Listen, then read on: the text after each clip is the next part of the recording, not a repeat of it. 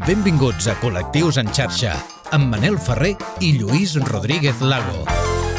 Què tal, com esteu? Benvinguts i benvingudes a un nou episodi del Col·lectius en xarxa. Avui ens proposem profunditzar, o si més no, conèixer el concepte de homonacionalisme, Lluís. Què tal, Manel? Molt bé. Com a pista us direm que aquest terme es composa de la suma d'homosexualitat i nacionalisme i que aquest terme, sota el pretext de ser una lluita d'inclusió LGTBQI+, acaba convertir-se en una política d'odi. Avui al Col·lectius en xarxa, homonacionalisme. Estàs escoltant Col·lectius en xarxa. amb Manel Ferrer i Lluís Rodríguez Lago.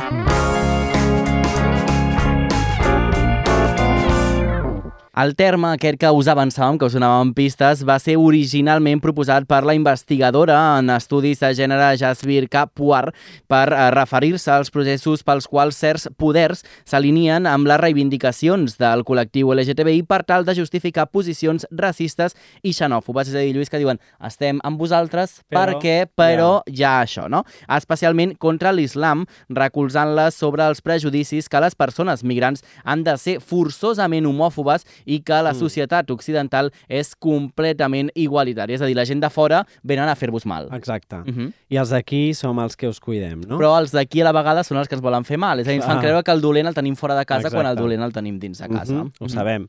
D'aquesta manera eh, es fa ús de la diversitat sexual i dels drets LGTB per sostenir postures en contra de la immigració Mhm. i cada vegada és més comú entre partits d'ultradreta, no? Aquest partit Exacte. que té nom de sí, caixa. Exacte, sí, de color verd. Eh? Exacte. проекта.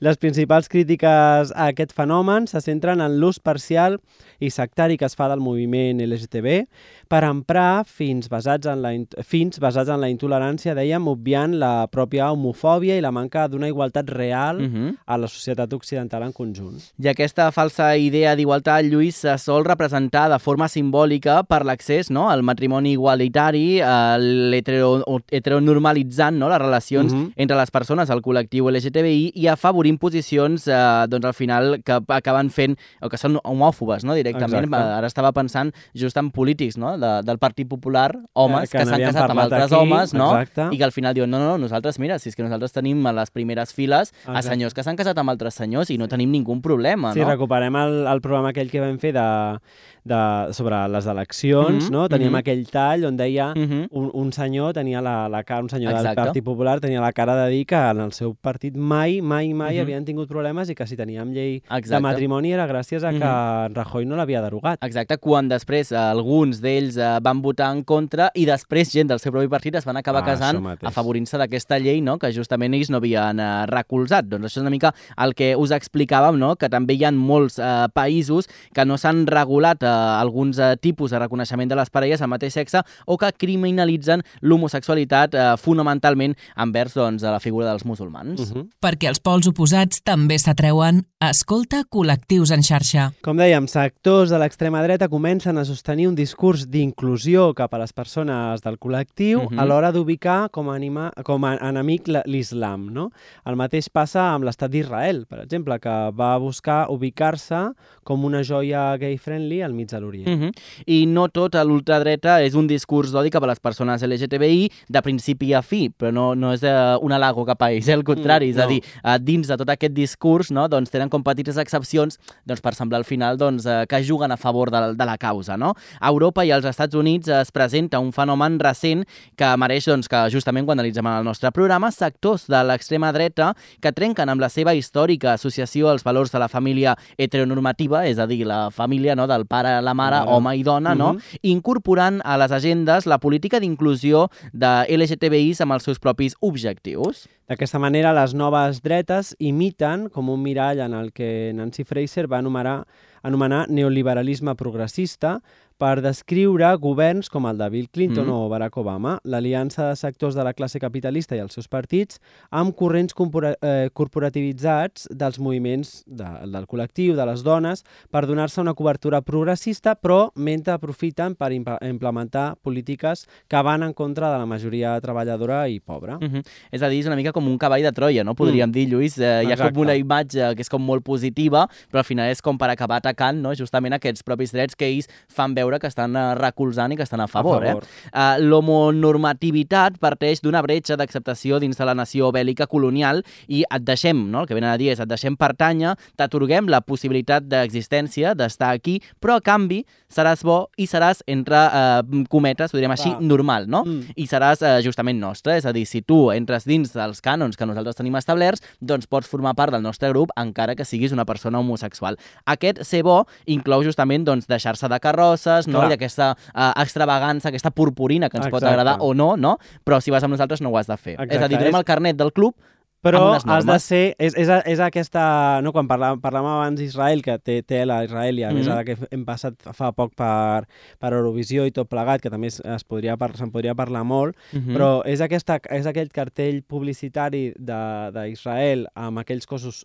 extranormatius Sí. Mm. i amb aquells cossos de, a més a més, només homes gais, eh, Mhm. eh, bueno, amb un cànon molt masculí com molt, molt acceptat, i també és allò de eh, les carrozas pues, en, casa, en la casa de Exacte, campo, no, exacte, no por sí, la gran vía, sí, sí. etcètera, Mhm, etcètera, mhm. aquestes coses Exacte. que ens diuen. I el nou, com deia el Lluís, eh, ciutadà gai, la nova ciutadana lesbiana i trans, eh, doncs al final acaben eh, per formant doncs, una ciutat modèlica Mm. per fer-se, doncs, per donar aquesta anomalia eh, del seu desig i la seva identitat. És a dir, que has de modificar la teva Exacte. forma de ser a canvi de formar part d'aquest eh, grup, no? Mhm. I a més a més, eh, dit així, no, com diuen en aquesta última frase, com a més a més com per demanar disculpes de... Exacte. No, jo, sí, sí. jo ja sé que tinc aquesta tara, Mm, però no mm. us ho posaré més difícil, a més a més tenim pluma, per exacte, exemple. No? Exacte, sí, sí, i encaixaré amb el perfil que teniu vosaltres, no?, de senyors o senyores cis hetero, no? Exacte. Eh, I tindré una exacte, parella, I no- tindré una no? parella, una parella normal, només de, exacte. no? Una parella- una, una, una tancada, parella, no? Exacte, Aquestes sí, coses. sí.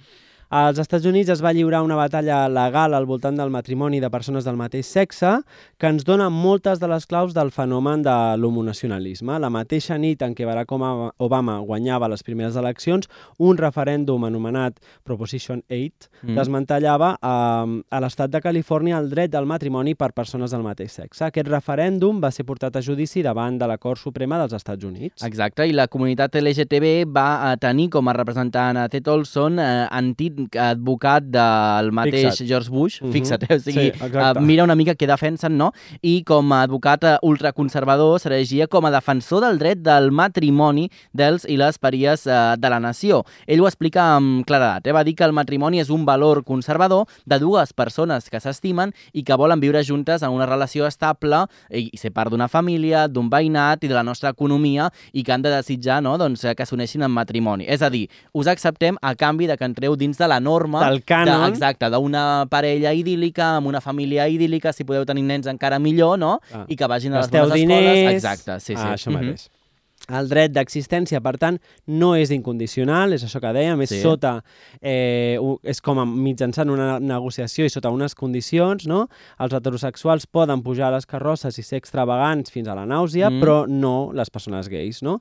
Les, eh, les persones heterosexuals poden tenir amants d'una nit, però les lesbianes eh, ens hem d'estimar tota la vida, no? En parelles monògames per demostrar que el nostre amor és vàlid. És que és molt fort, Lluís, perquè justament t'estan eh, dient com has de viure. Clar, t'estan dient que, d'acord, que ara hem après la... No, és una mica... El, el, ja hem après la lliçó, ja sabeu que, que ja sabem que hi sou al món, Mm. entenem que no sou persones malaltes, no sé si fins aquí, eh, però enteneu que, entenem que no sou persones malaltes, però eh, els nostres fills viuen amb vosaltres, no? Jo veig una Exacte, cosa això, no? exacte, els vostres sí, fills sí. viuen amb nosaltres, per I tant... no poden veure com una cosa estranya, no? Exacte. Heu de Per donar tant, la màxima normalitat, Mm, eh? Exacte, i mostreu-vos eh, mostreu el màxim de com nosaltres possible. no? Mhm, I això totalment. entra dintre de...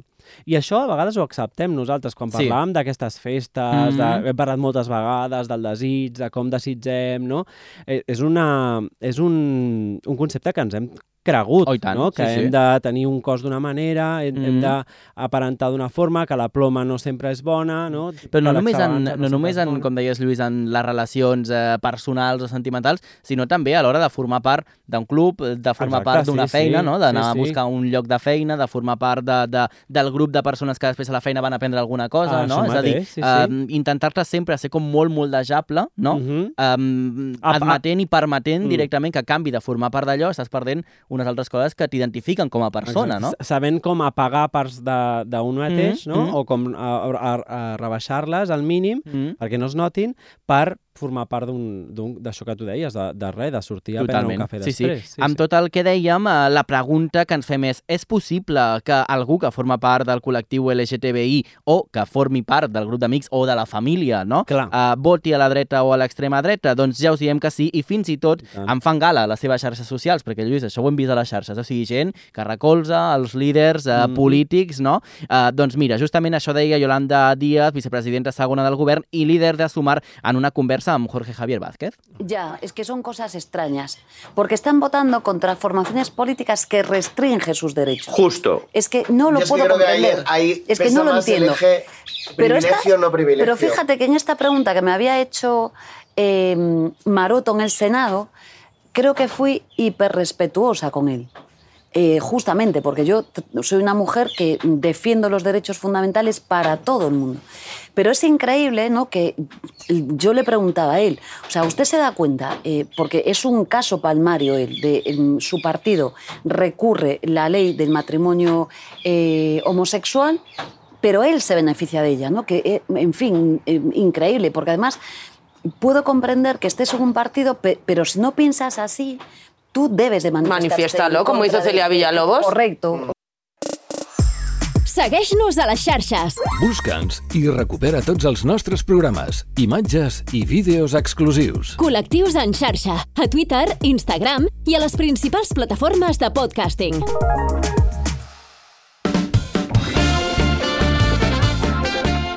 Uh, heavy, eh, Lluís, justament, Ja. però que reflexa just el que estàvem intentant dir, no? Sí, exactament. gent del Partit Popular, no?, Mm. que van recórrer aquesta llei i després es va casar amb una boda però que no va ser ni íntima. O sigui, No, no, no. jutjo que no sigui íntima, sinó que va ser que va sortir a les revistes, va sortir als mitjans de comunicació, van és fer que- entrevistes... Sí, clar. En aquest cas penso que havia de sortir perquè Mhm. és el que diu la Yolanda, és que, és que hi ha, per exemple, un botó. Total, No? total, total. És a dir, et beneficies d'una llei a la qual tu uh, has recorregut i, i no I has votat a favor, contra. exacte, votes Sí, en I contra. molts anys després continues Mhm. mantenint això. Sí, sí. Eh? Bueno. Bé, de tot plegat eh, en volem parlar amb Leon Freud. Ell és eh, personal investigador de formació al Departament de Sociologia de la Universitat de Barcelona, graduat en Sociologia per la mateixa universitat i amb un màster en Estudis de Gènere per l'Institut Interuniversitari d'Estudis de Dona i Gènere. Actualment és estudiant de doctorat del programa de Sociologia de la Universitat de Barcelona i cursant un màster en tècniques d'investigació social aplicada a la Universitat Autònoma de Barcelona. Ara ell mateix ens explicarà doncs, també la vinculació que té amb l'estudi de l'homonacionalisme. Com estàs, León? Benvingut. Hola, què tal? Déu-n'hi-do per dir tot el currículum del León, eh? Totalment, ens faltarien moltes vides per igualar-te, et podríem Ostres, dir, eh? sí. Déu-n'hi-do. Escolta'm, León, eh, tu mateix, eh, explica'ns eh, la vinculació que tens eh, professionalment o en el camp de la investigació amb l'homonacionalisme. Doncs vaig començar a treballar l'homonacionalisme en torn al 2016, um, encara a la carrera de Sociologia, i bueno, després vaig anar aprofunditzant, continuant, fins, fins que em va portar el doctorat. Uh -huh. I, bueno, això sí, és, um, és una mica la manera com jo m'hi vaig aprovar, bastant, bastant des de la uni, també perquè, perquè en el món del moviment social també me'l trobava, però sí que buscava una relació amb l'homonacionalisme bueno, que era potser una mica menys posicionada i una mica més, bueno, una manera de relacionar-lo i treballar-lo d'una manera menys situada, diguem. Uh -huh. Ara et preguntarem justament per això, eh, per l'homonacionalisme, però ens ha sobtat eh, moltíssim preparant aquest programa que hi ha com molt poca informació, és a dir, hem trobat com 4 o 5 articles que ens donaven algunes pistes, però sembla, León, que en aquest camp que tu has decidit investigar-lo i treballar-lo, no hi ha molta gent eh, que hagi fet el mateix, no? Hi ha encara com eh, molt poca informació al respecte. Mm, mira, sí, no, no, no no estic segur, eh? Mm. Potser... Segurament és un concepte que ve molt del món anglo anglosaxó, Sí. on crec que ja està bastant extès i, bueno, ja diria que a nivell científic la, les publicacions encara estan augmentant, és a dir, Mm. que cada any hi ha més noves publicacions sobre el tema eh, que l'any anterior, um, que això sí que és un indicador que encara bueno, és un tema que va creixent. Uh -huh. Um, I a el nivell de, de l'estat espanyol potser sí que hi ha, hi ha poca cosa. Eh? Diria, bueno, no sé, um, a Catalunya vull dir, sí que voldria dir que hi ha gent, que ha treballat molt més i de manera molt diferent del tema, Sí. com la, la Núria Sadurní, que no sé si esteu a Girona, però ella sí està a la URG o estava a la URG, i després la Brigitte Vassallo, que també ha treballat molt el tema, eh, i crec que, bueno, no sé, eh, Mhm. ja que parlo jo, també cal esmentar elles, eh? Que, Oh, i tant, oh, i tant que sí. que, que, que, ho han, que ho han fet, i a més a més ho han fet d'una part molt divulgativa i d'investigació-acció, és a dir, bueno, treballen amb col·lectius i treballen, Mhm. treballen molt més um, en el camp, cosa que és molt diferent a la manera que jo el treballo. Um, que jo treballo molt més amb dades secundàries i, i per tant, bueno, tampoc no genero tant de, tant de transferència i tant d'impacte directe. Mm -hmm. Doncs, Leon, perquè, mm, perquè tothom que ens escolti pugui apropar-se a, a aquest concepte, ens, el podries de, ens podries definir de manera senzilla què és l'homonacionalisme? No. No té una definició senzilla. No, crec que no. Eh? És que diria, bueno, és un dels primers problemes que em trobo i que em segueixo trobant. Eh? Mm -hmm. Espero poder defensar aviat la tesi i allà, bueno, una de les parts que plantejo és, és el problema eh, de la definició. Que Uh -huh. no que la persona que llença el concepte en el 2007, no? Per Sí. tant, bueno, també el que havíeu dit, no? Si era un concepte molt recent, amb poca gent que hi treballa i això, bueno, el concepte com, a tal es llença el 2007 Mm uh. -huh. um, per una investigadora Units Mm -hmm. um, i ella no dona una definició clara. No dona, bueno, dona com diverses idees, eh? i crec que bueno, és la, la Javier Puar um, que, que en el 2007 llença el concepte, concepte en el context de la guerra contra el terror, no? Mm. de, la, bueno, de la així denominada guerra contra el terror, Mhm. eh, guerra contra el terror i tot um, el panorama, sobretot la política global, que després també té un impacte sobre um, les identitats bueno, diverses, um, sobretot a Occident. Uh -huh. I, bueno... No, diu, dius sí. que no llença una definició, però sí podríem trobar en els últims, en els últims temps exemples d'homonacionalisme, per exemple, ara que estem en, en, en, processos d'eleccions, mm. en un any molt interessant políticament, podríem trobar-los perquè la gent pogués anar-los identificant?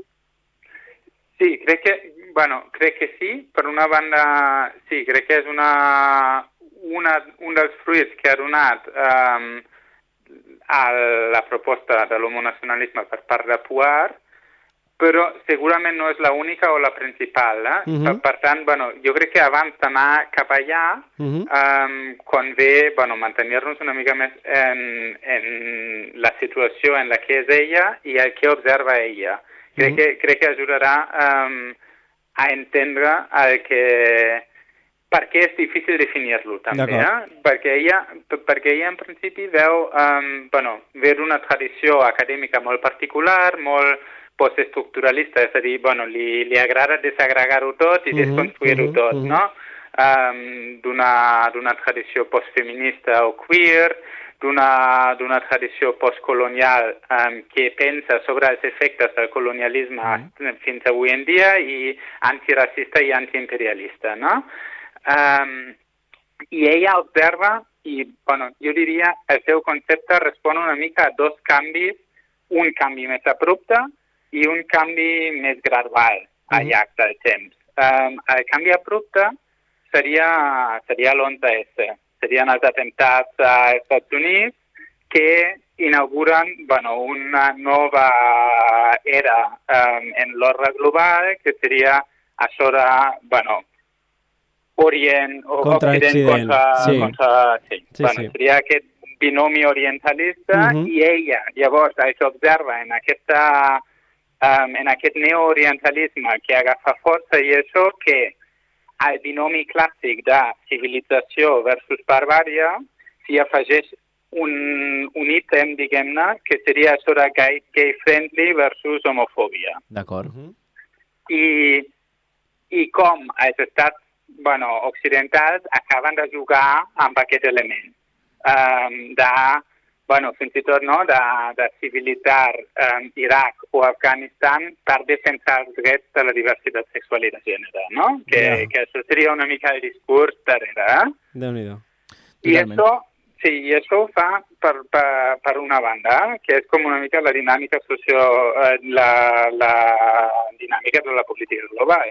I després hi hauria un altre element que seria un element um, una mica més interior o bueno, que també té que seria que correspondria a un canvi més gradual, que seria la gradual incorporació no? de les alteritats sexuals, Mhm. de allò que li diem potser ara identitat LGTB, Sí. um, a, com aquestes um, identitats es van incorporant a l'estat-nació o a la nació occidental d'alguna manera. Mhm. I clar, això és un procés que ja començava molt abans de l'11. Clar. No és una cosa que, que podem dir, bueno, és un canvi abrupte, sinó és un, és un procés gra- gradual que, que descriu ella um, i allà ho barreja amb l'altre i diu, bueno, i, aquest, i, i una de les seves idees claus allà és que l'alteritat sexual cada vegada més en aquest procés de normalització i incorporació apareix com a blanca i l'alteritat racial apareix com a, com a heterosexual i fins i tot diu com a homòfoba, no? Aquest, mhm. aquest imaginari de, um, que es construeix, de, bueno, sobretot a la identitat gai, perquè és la més, Mhm. bueno, que, que és la més prominent, no?, com a blanca, també després diu de classes mitjanes, um, i autòctona, eh, laica i això, i ho oposa molt a la idea de la homofòbia que encarnaria um, sobretot si persones immigrants, musulmans, i, i que aniria a aquest imaginari. Més lligades a la I religió, etc etc. Sí, i la construcció d'aquest imaginari. Mhm. Um, a, per fins, efectivament, bueno, racistes i, i això. I con, però allà ja fa com una obertura brutal en un camp per tota mena d'estudis d'identitat. Per tant, um, tot això per dir que, que bueno, reduir-lo a, um, al vot per l'extrema dreta per part de persones LGTB Mhm. o les campanyes um, de diversi, de, de, per la diversitat sexual i de gènere amb fins racistes o, bueno, Mhm. sí, um, sí un, o una argumentació bueno, que utilitza la diversitat sexual i de gènere um, per promoure el racisme, pues només seria una part Una petita seria part. homonacionalista, Pe- homonacionalisme, perquè abarca, com que ella no dona definicions, sinó Ja. ho veu com una eina, ella ho veu com una eina per analitzar la realitat a múltiples nivells, Mhm. que poden ser des de la geopolítica fins a la més íntima comprensió de la identitat pròpia, no? Clar.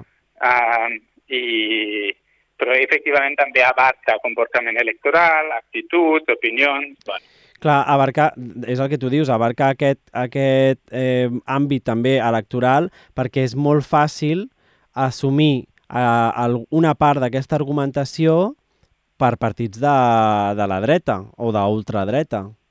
No? Sí, és, és molt sí. fàcil a, a, a acollir aquesta, aquest, aquest tipus d'argumentació on, l, l, perquè, i- perquè ja formava part de l'ADN d'aquests partits, per exemple, no? el fet de que el de fora és el, Mm. que, el, el dolent, i si a més ara li afegim que el de fora és homòfob, eh, doncs clar, acabem d'aglutinar a, a la gent que no ens se seguia, no? Sí, sí.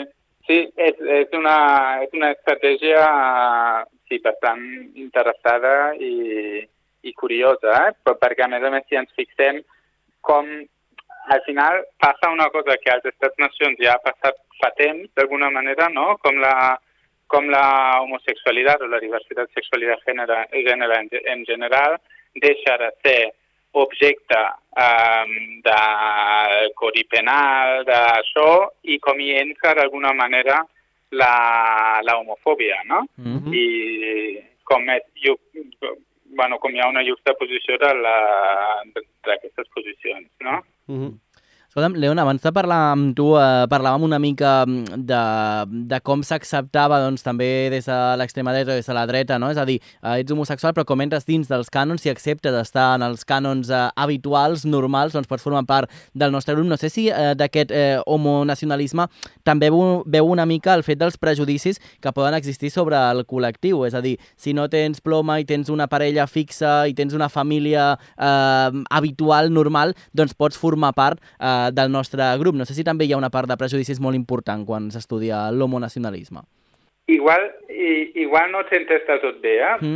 Vull dir, si, si vols, torna perquè, per, per, perquè estic pensant, crec que sí, però sí, no... Sí. Sé. No, justament no, el, el, la pregunta era si um, aquest eh, homonacionalisme que explicàvem al principi nosaltres de com d'alguna manera uh, doncs el permeten ser de l'extrema dreta o de la dreta, encara que siguis, per exemple, homosexual o formis part del col·lectiu, sempre i quan entris dins dels cànons que ells veuen correctes, no? que és el tenir una parella habitual, tenir fills, uh, viure en una casa amb unes bones condicions, tenir una bona feina, eh, si al final tots aquests eh, cànons eh, normals també al final veuen d'aquests eh, prejudicis que existeixen eh, dins del col·lectiu, no? que per formar part del col·lectiu doncs, has de tenir ploma, eh, la gent eh, té més d'una parella, la gent doncs, és infidel, és a dir que al final eh, sí també existeix aquest prejudici eh, com a base d'aquest homonacionalisme.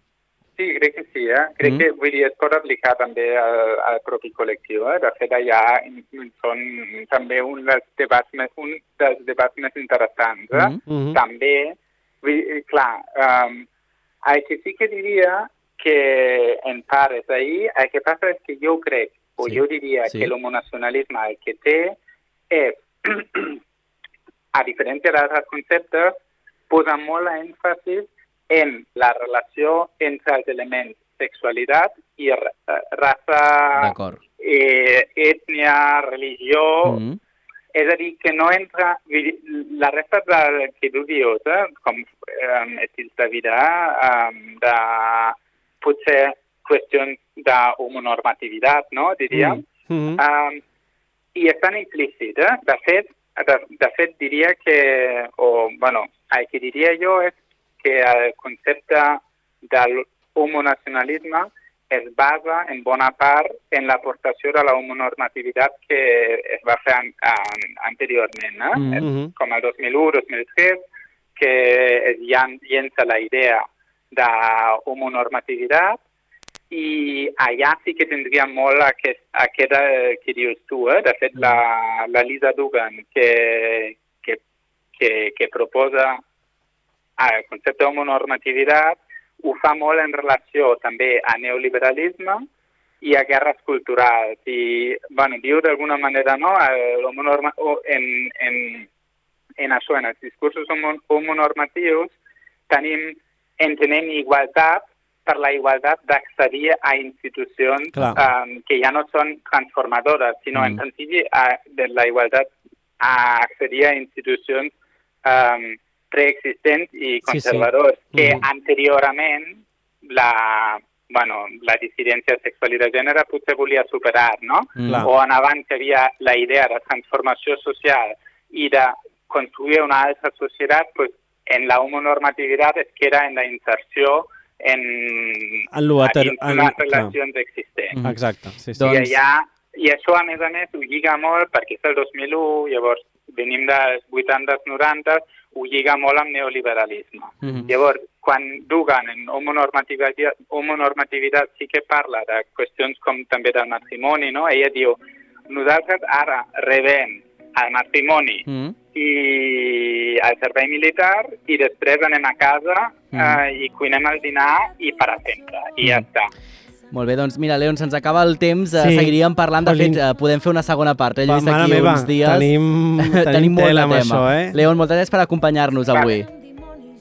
Que vagi molt bé, fins la propera. Adeu. Moltes gràcies. Lluís, marxem escoltant música amb aquest tema que haurem de seguir investigant també com sí, el Leon, eh? eh? Uh, amb qui marxem escoltant? Marxem amb la Bet. Molt bé, que tremolin els arbres. Que tremolin els arbres. Molt bé, important, serà important. Gràcies al Carles Soler Piqué també per acompanyar-nos a les vies de so i fins la propera. Adéu. Adéu. Jo no em desespero